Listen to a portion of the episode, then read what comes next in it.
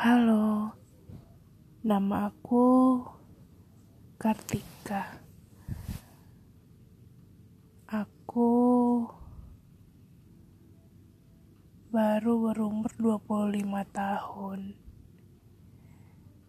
Saat ini aku sedang bekerja di salah satu industri jasa yang bergerak di bidang akomodasi. Biasanya sih orang-orang bilang hotel atau villa.